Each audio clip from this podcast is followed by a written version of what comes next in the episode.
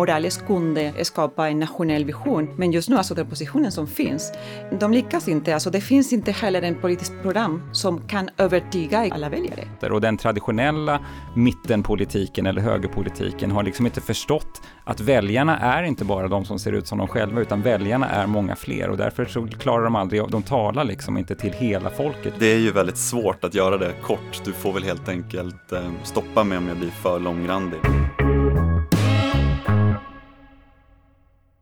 Välkommen till Frihet från förtryck, en podd om demokratiaktivism. Många pratar om valet i USA, men vi vill prata om valet i Bolivia.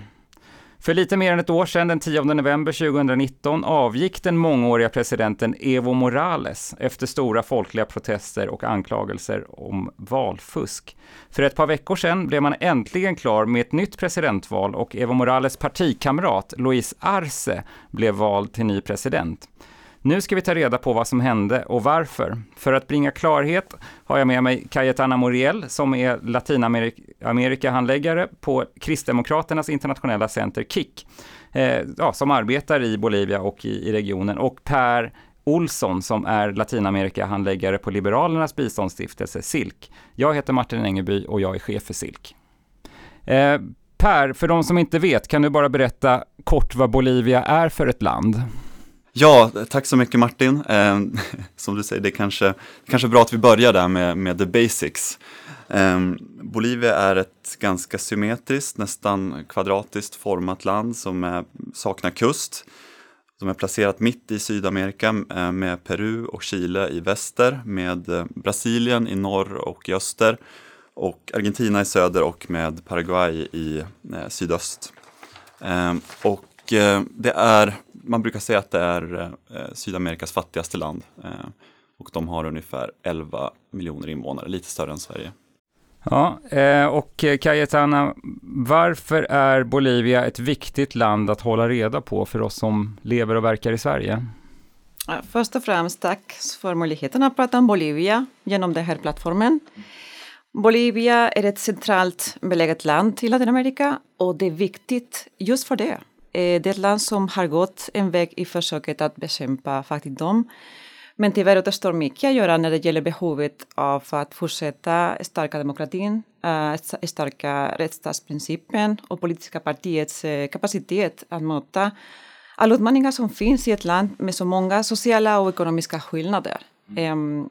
Vi som lever och verkar i Sverige och den svenska regeringen exempelvis skriver att mänskliga rättigheter behöver stärkas för eh, särskilt kvinnor, barn och ursprungsbefolkningen. Och vi tror att ett sätt att göra det, precis den här, är att se till att fler ungdomar och kvinnor eh, är aktiva i att fatta beslut, eh, politiska beslut. Bolivia är ett land med enorma skillnader och det är viktigt Eh, att demokratisera strukturerna tvärs över för att eh, ge tillgång till och representation för alla grupper men utan att falla i populismen. Mm. Precis, och idag har väl Bolivia lite en ganska stor symbolisk betydelse också för att eh, både i Venezuela och i Bolivia så hade man då den liksom, 21 århundradets socialism. Det var ett om, omtag på liksom en, en socialism och det är många som har tittat till de här länderna och sagt att Eh, initialt att det har varit väldigt bra och sen så i takt med att åren har gått så, eh, så finns det också mer och mer kritik mot vissa företeelser i, i de här regeringarna. Eh, per, kan du kort rekapitulera vad som har hänt i Bolivia under det senaste året? Ja, precis. Det är ju väldigt svårt att göra det kort. Du får väl helt enkelt eh, stoppa mig om jag blir för långrandig, men, men jag ska försöka ta med det viktigaste som har hänt. Det har ju varit ett, ett ganska långt år för alla, även i Sverige kanske. Men eh, startläget då inför förra valet och Bolivia skulle anordna val, eh, allmänna val i oktober 2019. Och eh, startläget var att de hade då en, en, president som, som heter Evo Morales, vi kommer säkert prata mer om honom, men han hade styrt i 14 år och börjat känna att, att hans opinionssiffror kanske hade börjat vackla lite. Så att det, det var mycket som stod på spel i det här valet. Eh, valet var den, eh, den 20 oktober och när de höll på att räkna rösterna då eh, plötsligt sent senare på valnatten eh, då så eh, stannade då den här eh, rösträkningen som man kunde, som man kunde följa. Och då var läget, eh, när den här stannade så, så ledde förvisso eh, Evo Morales med 6-7 procent ungefär. Men han hade inte tillräckligt stort avstånd till, till tvåan Carlos Mesa för att eh, undvika en andra valomgång.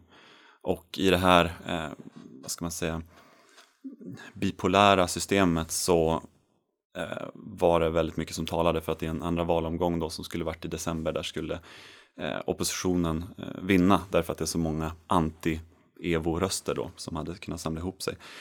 Eh, men då, eh, då stannade rösträkningen och sen när den återupptogs eh, dagen efter tror jag det var, då helt plötsligt så hade han ett försprång på 10,3 procent som sen stannade då när, vid den slutgiltiga rösträkningen på 10,5 procent.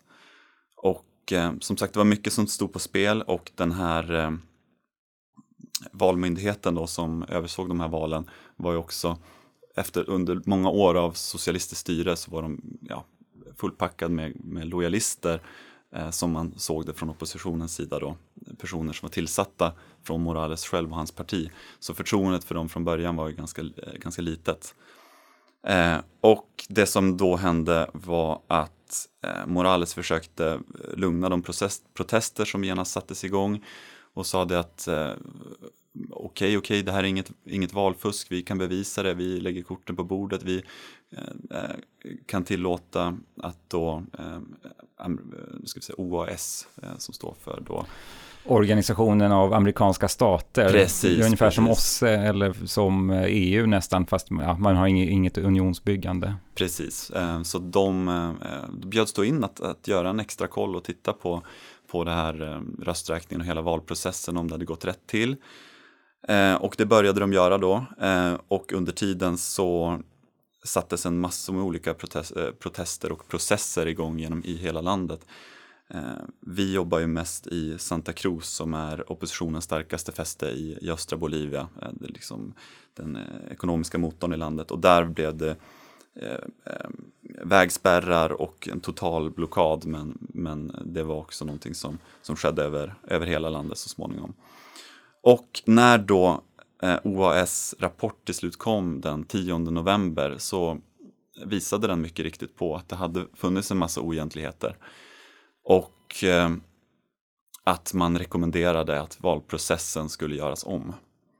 Eh, alltså inte då att eh, Morales då eh, på nåder skulle låta eh, tillåta tvåan i racet och köra en andra valomgång utan att valprocessen skulle göras om.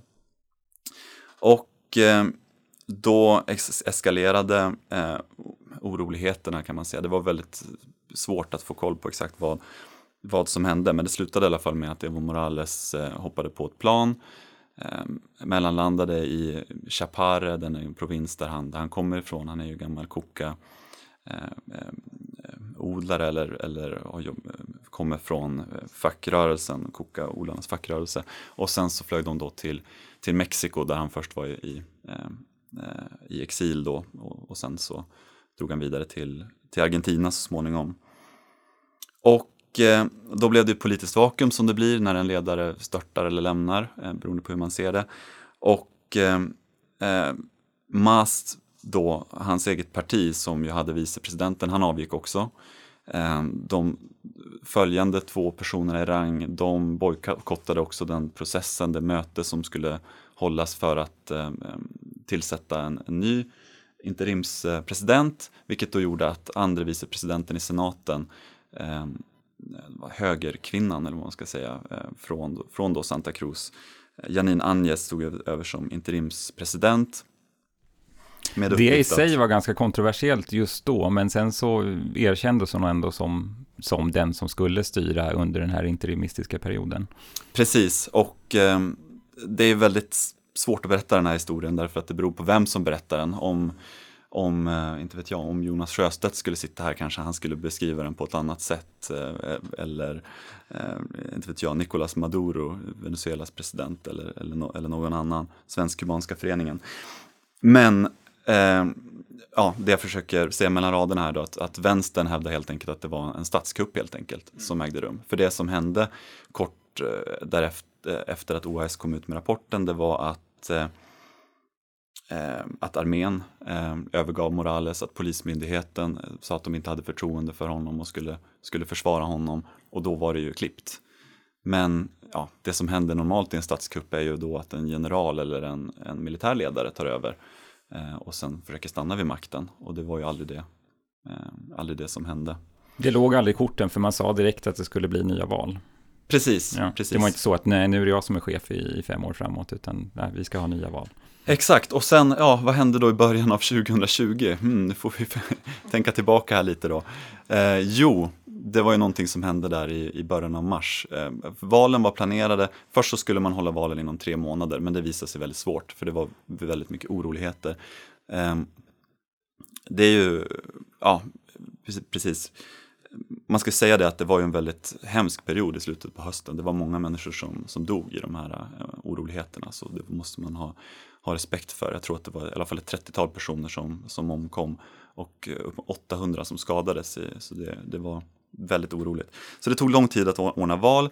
När man till slut under våren kunde sätta ett valdatum så bestämde man att valet skulle vara i maj. Men då slog pandemi, pandemin till i eh, början av mars och man var tvungen att tänka om helt. Hur, hur man, eh, och det var ju i många länder så att man visste inte riktigt hur, hur anordnar vi fotbollsmatcher, hur anordnar vi demokratiska val eh, och så.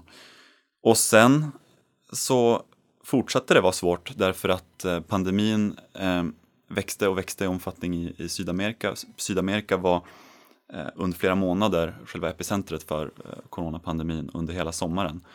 Vilket gjorde att man sköt upp valet och till slut så började protesterna sätta igång igen och den liksom, sociala anspänningen blev så stor att man var tvungen att sätta, eh, sätta ett valdatum. Först i september men då till slut eh, 18 oktober 2020 tror jag eh, valet blev, men oktober 2020 i alla fall. Ja, det gäller ju att inte ha dubbla måttstockar, för att jag kommer ihåg att Polen fick väldigt mycket kritik för att de skulle genomföra ett val Eh, och, och andra länder för, får kritik för att de inte genomför val. Så att man får väl tänka lite, ja, det, det är svårt att säga hur man ska göra så att säga, men, men man kanske inte ska vara otroligt fördömande varken för det ena eller andra. Precis, och eh, vi kanske kommer eh, prata, tala illa om Janine Agnes lite senare för att pandemin var, har inte varit lätt för att, att hantera för Bolivia eller något annat land. Men jag tycker ändå det är tydligt att de har haft en ambition att hålla val. Hon försökte också genomföra en reform i början av året som sa att det skulle vara obligatoriskt för kandidaterna att ställa upp i politiska debatter. Någon, en kultur som inte finns i, i Bolivia. Så man försökte också på olika sätt förbättra processen för att medborgarna skulle få, få tydligt se vilka, vilka alternativen var. Um, Just det, Janine Agnes, hon var ganska populär i början ehm, och i januari så eh, sa hon att hon skulle eh, ställa upp som kandidat eh, i valen. I november så sa hon att hon inte hade för avsikten men i januari så tänkte hon att ja, men det kanske jag ska göra. Och eh, vilka övriga fanns då? då? Jo, för MAS då till slut när socialistpartiet hade på något sätt accepterat att det första slaget var förlorat så blev det då eh, Luis Arce som var ekonomiminister under Evo Morales som ställde upp som ny kandidat. Och sen då eh, Carlos Mesa som var den som blev tvåa eh, eh, förra året. Han ställde upp igen. Eh, och några andra kandidater då. Eh, vissa samma som, som tidigare, några utbytta.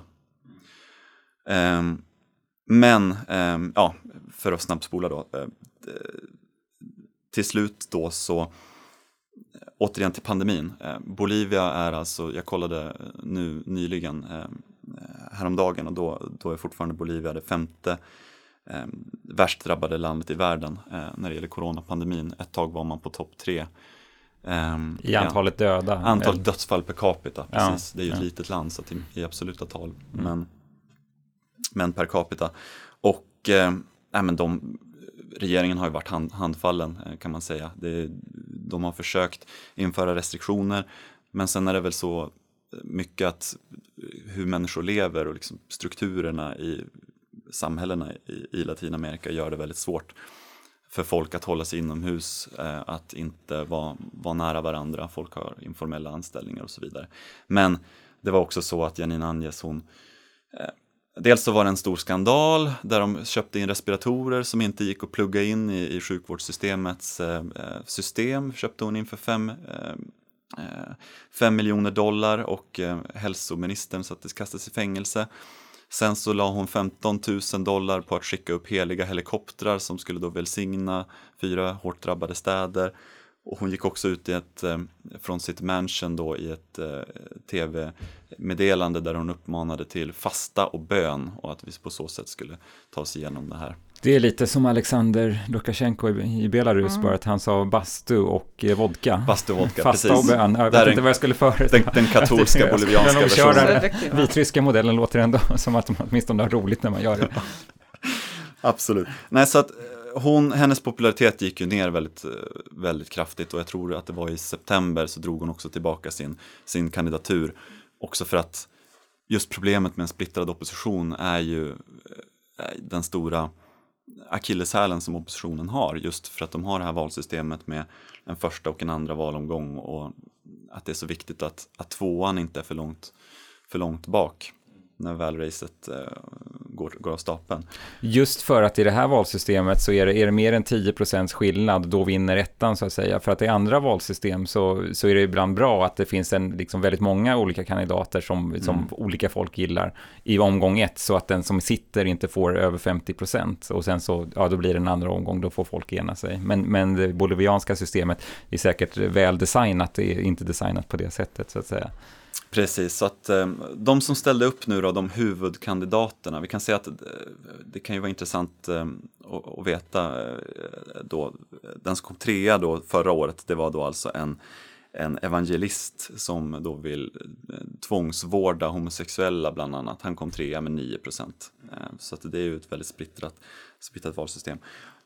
De främsta kandidaterna i det här valet då blev då Luis Arce Eh, som eh, företrädde socialisterna, eh, MAS, och då Carlos Mesa igen som, som är någon slags centerkandidat. Och sen då Luis Fernando Camacho som var en ny figur i det här valet och som vad ska man säga, profiterade på protesterna som var förra året. Därför att han var ledare för en slags förenad civilsamhälle som var de som organiserade det folkliga motståndet 2019 eh, och de här eh, protesterna då i, Santa Cruz.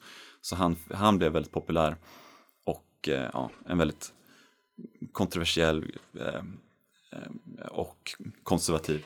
Men kanske populär bara i Santa Cruz och det var det problemet. Precis, precis. Och det här är ju då... Och det måste vi förklara för den som ja. inte känner till Bolivia, att östra Bolivia har i, i, i omgångar varit som Katalonien i Spanien, att man helt enkelt vill lämna. Precis. Alltså, det är man, så det är en väldigt stor regional skillnad. Och det, är, och det är mycket mer då spansk, eh, mer, vad ska man säga, spansk härkomst bland de som bor i, i Santa Cruz än vad det är bland de som bor i, i La Paz. Um, och där kommer vi lite in kanske på det som egentligen är en ganska viktig fråga att förstå. Alltså varför vann Evo Morales makten i Bolivia från början? Alltså, och sen lyckades behålla den så länge. Vad var det för kvaliteter som gjorde att, att han klarade av ja, det här? Det, det är en stor fråga, men uh, vi kan ta det i alla fall alltså från, från början. Alltså, Evo Morales kom till makten i 2005 och för att folk röstade mot den regering som som fanns vid den tiden. Alltså det, var, alltså det där var egentligen, det var emot vad det fanns. Eh, folket folk röstade emot den, e-, den ekonomiska krisen, regeringens oförmåga att lösa fundamentala problem, korruption och ett partisystem som inte fungerade. Eh, Morales var annorlunda. Han var facklig eh, ledare, eh, han var, alltså man kan säga, gatuledare, alltså eh, med politisk bakgrund. I, i sitt tal eh, lyckades han involvera tidigare uppdelade grupper. Eh, hans diskurs baserade på en, en social inkludering. Eh, han lyckades locka många väljare eftersom de identifierade sig med honom, alltså särskilt på landsbygden. Eh, men eh, 2005 var den högsta befolkningskoncentrationen inte i det rurala eh, området utan alltså den städerna. Men Evo lyckades också ändå övertyga de, med, med, de, de här urbana grupperna eftersom de ville ha en annan typ av regering. Eh, så han hade dessutom alltså en, ett stort team av politiska rådgivare som lyckades förvandla hans image höja bilden av han var en ursprungsbefolkningsledare. ledare. Eh, det var möjligt att visa på internationell nivå en bild som anpassades alltså utan problem. Eh, eh, och det måste sägas att att alla de politiska ledarna som, som, som, finns i Latinamerika som fanns i den där tiden, så det var flera, eh, genomförde en, inte en sån riktig bolivariansk eh, politik i Bolivia. Alltså på den ekonomiska nivån eh, och under hans regering eh, gynnades privata sektorer på ett visst sätt också att, att, att vinna. Alltså mm. det, finns, det fanns en vinst också på den privata sektorer. Så Evo vidtog också alltså, åtgärder för social integration som inte kunde ha vidtagits eh, i en annan regering. Och en viktig grej, även om det låter självklart, eh, alltså, lyckades han att, um, att styra hela Bolivia. Mm. Alltså de hade en, en, en, nationell vision, alltså de enades i den här regeringen. Och eh, han, hans, hans regering eh, hade majoritet i kongressen. Men eh, alltså en av de anledningar till att han inte fortfarande har makten alltså, är att han sökte omval i 2016. Och mm. det var precis det, i en refer referendum. Och det Just var precis det. vad det, det var det, det beginning of the end. Ja, ja då, då börjar folk tröttna. Eh, och det var väl inte bara det att han sökte omval, utan det var att man i väldigt många olika delar av den politiska processen införde olika former av restriktioner och, och började missbruka makten. Och ja. Man börjar, det regerande partiet växer samman med staten och, och så vidare. Vi ja, har ju sett men, exempel på ja. det här i många andra länder också. Ja, men alltså, men det, alltså det folket som exploderade, alltså Bolivia säger nej. Mm. Ja, det en gång, alltså, du kan inte vara igen alltså, i, i regeringen. Så det, och det var alltså, största demonstrationer också i den där tiden. Precis, jag kommer ihåg väldigt tydligt för att jag, jag åkte till Bolivia första gången i december eh, 2017. Eh, och då, då var det året innan så hade man haft en folkomröstning då där, för att han var ju så van att vinna med 60-70 procent så att de ordnade en folkomröstning eh, ska jag få ställa upp eh, ytterligare en mandatperiod. Men redan då hade folk börjat tröttna och en majoritet röstade emot. Eh, att nej, men vi har en konstitution, vi får följa den. Ändå så eh, överklagades det här då och så när jag precis kom, kom dit 2017 då, då hade just Högsta domstolen då förkunnat att han ändå skulle få ställa upp med hänsyn till hans egna mänskliga rättigheter. Ja, för mm. varje människa har rätt att ställa upp i presidentvalet, så ja. vi kan inte införa begränsningar just för honom.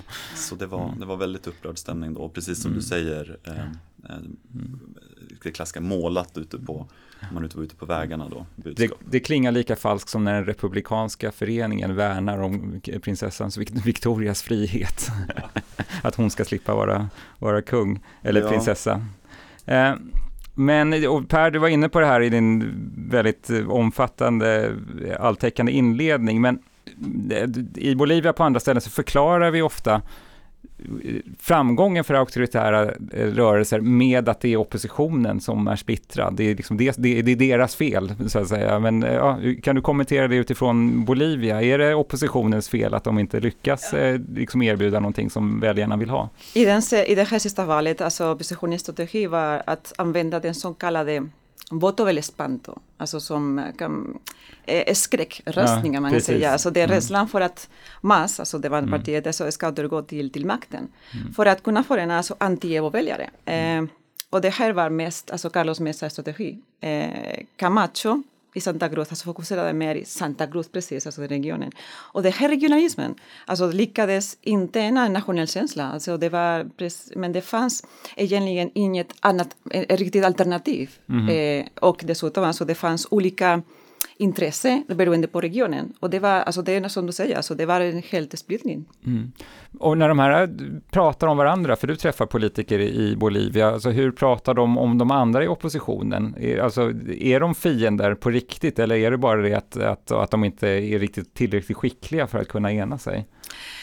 Um, I det här fallet, alltså i fallet av Santa Cruz, alltså det är mer så att eh, de tänker bara för alltså, den intresse av den själva regionen. Mm. Och dessutom, alltså, det finns naturligtvis alltså, sociala skillnader. Mm. Um, eh, om man pratar med, alltså, med det bolivianska folket, eller man pratar alltså, med våra vänner till och med, eh, det finns en stor, eh, det finns eh, eh, be, ursprungsbefolkningen, alltså det finns skillnader också. Och precis i Santa Cruz kanske alltså det finns en annan typ av väljare. Så eh, Alltså det är ingenting som egentligen är lätt för en eh, opposition att, att ena. Och eh, eh vad det, det var det jag nämnde tidigare, alltså när, när Morales kunde eh, eh, skapa en nationell vision. Alltså det var egentligen en stor utmaning och han lyckades göra det. Men just nu, alltså den positionen som finns, eh, den, de, de lyckas inte. Alltså det finns inte heller en politisk eh, program som kan övertyga i själva, alltså alla, alla väljare. Precis, jag kan bara kommentera eh, snabbt. Jag tycker du har, du har helt rätt. Eh, och jag ställde den här frågan till, till, eh, till våra samarbetspartners. Liksom, vad, vad är problemet? Vad är problemet med Carlos Mesa? Varför kan man inte bara sluta upp bakom honom? Men då är det så att det, det jag fått berättat för mig då, det här var ju långt före min tid, men han var ju president innan. Carlos Mesa var den som var president innan, eh, innan Evo Morales, 2003 till 2005. Och under den här perioden så var ju, precis som nu, regionalismen i Santa Cruz väldigt stark. Och då uttalade han sig eh, nedsättande mot Santa Cruz i största allmänhet tycker man och eh, mot deras självständighetssträvanden i eh, eh, eh, konkret, eller vad, vad ska man säga? Eh, mm. Så att det här finns kvar och folk har inte glömt det här. Så att Carlos Mesa är liksom den nationella kandidaten för de som inte gillar MAS och då Camacho blev det här valet kandidaten för de som är i Santa Cruz och inte gillar MAS. Men MAS har också massa stöd i Santa Cruz, det ska man inte glömma heller. Mm. Nu kommer vi till ett stående inslag som vi försöker ha, det försöker väl alla poddar ha. Och eh, det har ju varit ett väldigt tumultuöst eh, år i Bolivia. Så nu kommer vi till eh, segmentet Säg en grej. Säg någonting som vi kommer komma ihåg om tio år när vi tänker tillbaka på det här året av oreda i Bolivia. Har du någonting med dig Kajetana? Um, om det var en grej som mm. är, det det, alltså det munskydd som måste säga, ja, man ja. tyvärr måste användas. Och det mm. är ett element som jag aldrig trodde att det skulle, alltså vi skulle, vi skulle användas i våra liv. Alltså mm. inte som är inte kirurger eller alltså mm. läkare eller liknande. Men, och vi som har behövt, vi har behövt, att, behövt att vänja oss på ett dramatiskt sätt. Mm. Eh, eh, alltså särskilt för oss som, som behöver resa till vissa länder som, som det, alltså man måste ha mm. munskydd. Så för mig det är en, det är en grej som jag kommer inte, jag kommer inte att glömma och hoppas mm. att vi glömmer inom tio år i alla fall. Alltså vi behöver inte använda den. Det är ungefär som regeringen Bildt så kommer man bara ihåg att det var kris i Sverige. Och nu om kommer man ihåg den här interimsperioden så kommer man ihåg pandemin. Så att det, ja, det är svårt att, att tvätta bort den kopplingen. Vad har du för grej med dig Per? Eh, ja, jag hade helt totalt missförstått frågan. Nu när du läste upp, det, när du läste upp den igen så, lät, eh, så förstår jag att det var någon, någon mer generell grej. Det, det, jag tänkte på var en, en kikare för att när, när allt det här började så hade jag sett fram emot en, en resa till, till Bolivia, en två veckors resa och, och liksom komma ut i, på fältet och jobba. Eh, nu blev det inte så, jag fick avboka den och jag köpte istället en kikare och började väldigt intensivt med fågelskådning. Så det är nog den, den grej jag kommer ihåg, kommer ihåg mest. Men mm. något mer allmängiltigt kanske, mute-knappen på Zoom då. Ja vägspärren, ja. är det en grej?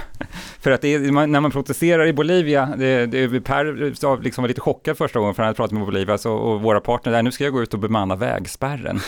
så att det är liksom en protestmetod som, ja, som vi kanske börjat vänja oss vid här i Sverige också.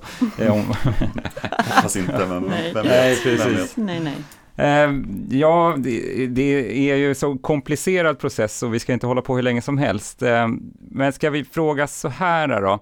Eh, svenskt bistånd, eh, liksom en liten bakgrund. Sverige har länge haft bistånd i Bolivia. Under alliansregeringen med Gunilla Carlsson så bestämde man sig för att ge bistånd i, i färre länder eh, och då var Bolivia ett av de länderna som ströks. När regeringen Löfven tog över med en decemberöverenskommelse där man förhandlade budget med Vänsterpartiet så återinförde man då Bolivia som biståndsland och det är just det här att Bolivia med det Morales är symboliskt viktigt. Ehm, Eh, men om man nu tittar på svenskt bistånd, nu har vi ett svenskt bistånd i, i Bolivia. Vad bör det svenska biståndet rikta in sig på de kommande åren? Har du några idéer Per? Absolut. Ehm, Bolivia är ju eh, som sagt ett extremt fattigt land och, eh, och, och svenskt bistånd ska ju ehm, Eh, ska ju fokusera på i slutändan på, på att minska fattigdomen, allt bistånd. Det måste vara målet på något sätt. Men nej, hur, nej, hur målet är att det ska vara demokrati. Ja, precis. Men... och när man har demokrati så kan man också bekämpa andra misärer.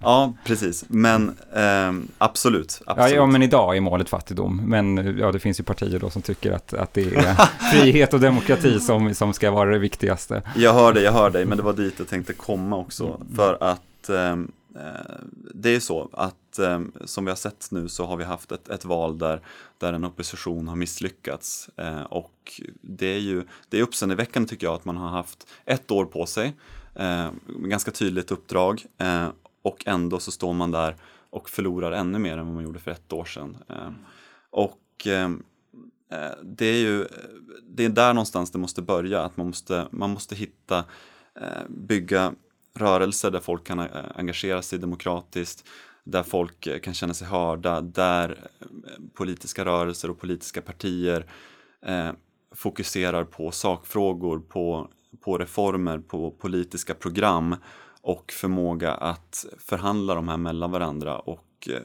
helt enkelt komma fram till lösningar för befolkningen. Så att jag tycker absolut att, att svenskt bistånd måste fokusera mer på det här och inte, och inte ha partibiståndet som någon slags eh, harang som kommer lite på sidan om, utan det måste vara i centrum. Eh, och sen så, ja såklart, fortsätta jobba med saker som vi gör redan nu som stöd till i SRHR till exempel, eh, eh, sexuell och reproduktiv hälsa, eh, just sexualundervisning, abort, den här typen av frågor som skapar frihet för, för kvinnor. Men det här arbetet måste också gå via politiska partierna. Det räcker inte att bara ha det, ha det arbetet lite separat genom, genom civilsamhällesorganisationer som, som pratar med varandra. Ehm, också såklart stöd till rättsväsendet. Eh, det är ett jätte, jättestort problem, men det är väl några saker. Ja, det känns ju som att det här är en regering då som ändå lyckas skapa mycket tillväxt, eller det var ju råvaruboom i hela världen och det var ju det som gjorde att, att man kunde göra mycket sociala reformer och så vidare. Och då känns det som att det gör man redan. Man har redan ett program för, för fattigdomsbekämpning, men just det här att skydda institutionerna så att det här verkligen kan, kan, kan stanna kvar och, och att man kan byta ledning men ändå vara på, liksom en, på en positiv väg framåt. Det känns lite som det är det som fattas, tänker jag. Eh, Kajetana, vad tycker du? Men det kommer att bli en stor utmaning, eh, för att den där tiden kanske att de, de hade, som du säger, alltså de hade, de hade alltså en bra eh, period. Alltså de kunde använda alltså, den ekonomiska vinst. Men kanske, alltså det kommer att finnas nu en stor kris. Eh, situationen är inte samma, så kontexten är helt annorlunda, så kanske det kommer att bli en stor utmaning för att kunna fortsätta de här sociala förändringarna och eh, kämpa mot eh, fattigdom och eh, kunna få alltså, sociala inte så stora sociala skillnader som det finns nu i Bolivia. Men alltså, jag måste säga att det finns också en generation av unga politiker också som, som växer upp och eh, eh det kommer att bli kanske alltså fem, tio år av, alltså med många utmaningar just för den här generationen av ungdomar. Men en del har redan tagit aktiva eh, regeringspositioner nu. Men utmaningen är att fortsätta, som du säger, alltså, Per, att, eh, att jobba med politiska partier, att kunna skapa nya, alltså, nya politiska projekt eh, som folket känner redan att det är nödvändigt. Eh, eh, alltså folket vet att det har gjort massa misstag, eh, men, eh, men alltså, det här är också en, en del av processen i, alltså, i alla länder som kommer att kun, kunna eh, uh, förbättra demokratin också. Ja, ja, det känns ju som att eh, den latinamerikanska vänstern har varit framgångsrik i val och det är för att länderna är mer demokratiska så att fler människor deltar i de politiska processerna. Och väldigt många är fattiga, men när de deltar så röstar de på sina kandidater. Och den traditionella mittenpolitiken eller högerpolitiken har liksom inte förstått att väljarna är inte bara de som ser ut som de själva, utan väljarna är många fler och därför så klarar de aldrig, de talar liksom inte till hela folket, utan de talar till sig själva. Och, ja, så att, ja, det, det, jag tror att det, där behöver man man, ja, man behöver modernisera sig själv. Um, vi ska runda av um, med något trevligt. Per, varför ska man resa till Bolivia? Ja, alltså det är ett, ett fantastiskt eh, land att resa till, det, det, måste jag säga. Jag, eh, jag blev verkligen chockad när jag, eh, en av mina resor så såg jag till att, att åka runt. Det är eh, fantastiskt vackert, otroligt varierande med den ena extremen i eh, liksom fuktig djungelklimat, lågland eh, i öster och, och i norr. Eh, och sen så har du då eh, de enorm, eh, enorma höjderna då, bergen, eh, du har eh, världens största saltöken eh, som är där, La Paz som är bara en vidunderlig huvudstad på, på 4000 meters höjd. Det, det är helt otroligt. Sen så är det ju, det är ju inte, ett, om man åker som turist nu, nu är det lite det jag är inne på, eh, så är det ju inte det vanligaste turistlandet i, i Sydamerika. Så man kan komma undan med att se Anderna för en, en billigare peng än, än, Peru mm. och kanske lite roligare, eh, lite mindre turister, lite mer eh, udda upplevelser kanske. Så det är kul. Och när man vandrar där i bergen så kan man lyssna på den här podden. Eh, mm. Så då får man politiken ja, men jag också. hoppas att vi kan göra sällskap ja. öronen. Eh, Cayetana, du kommer från, eh, från Spanien och förstår mer om det här. Namnet Bolivia, det hänger ihop, vad jag förstår, med frihetshjälten Bolivar. Kan du berätta lite om den här mytiska figuren som avslutning? Eller jag kanske har helt fel. Ja, uh, det är intressant fråga, men alltså egentligen, alltså det vänster vänsterregeringen eller västideologi som behöver den här, alltså den här figuren som Simon, Simon Bolivar. Mm. Um, um, till exempel Venezuela. Ja, ja, Venezuela man använder alltså Simon Bolivar så det är en... Eh, den bolivarianska revolutionen. Exakt, ja. men alltså i Bolivia det är inte nödvändigt. Nej. I Bolivia som den nationella världen, världen som är alltså symbolos patrios som de mm. kallas. Så har definierats genom ursprungligen befolkningstal, alltså som Evo, mm. egentligen är den största alltså, mm. image i den här eh, i den här tanken. Så det. Det kan man förstå, det är den första från, alltså vi säger ursprungsbefolkningen, då tänker vi på samerna och att det är liksom en liten spillra, men i Bolivia så är det här 70 procent av folket och Evo är den första från det här folket som lyckas, som, som väljs till president. Och ja, det talar ju för att det var någonting innan Evo som inte var riktigt bra i, i Bolivia heller. Uh, ja, ja, men uh, jag, det, jag ska re, resa dit själv så småningom. Uh, för, jag följer det på avstånd. Ehm, du har lyssnat på Frihet från förtryck. Tack eh, Per och Cayetana för att ni var med. Det här är en podd om demokratiaktivism och biståndspolitik. Vi som producerar det här, vi är SILK, Svenskt internationellt liberalt centrum. Vi arbetar med demokratibistånd, fria val och utvecklingsdebatt. Den här podden har finansierats av stiftelsen Karl Staffs fond för frisinnade ändamål och av dig som är skattebetalare, vars pengar har insamlats av Skatteverket, utdelats av regeringen till Sida, vidare till en organisation som heter Forum SIV, som i sin tur har tecknat avtal med oss. Klippning Gustav Edman. Följ oss på Facebook. Fler avsnitt finns på silk.se podd. Och kom ihåg, utan demokrater blir det ingen demokrati.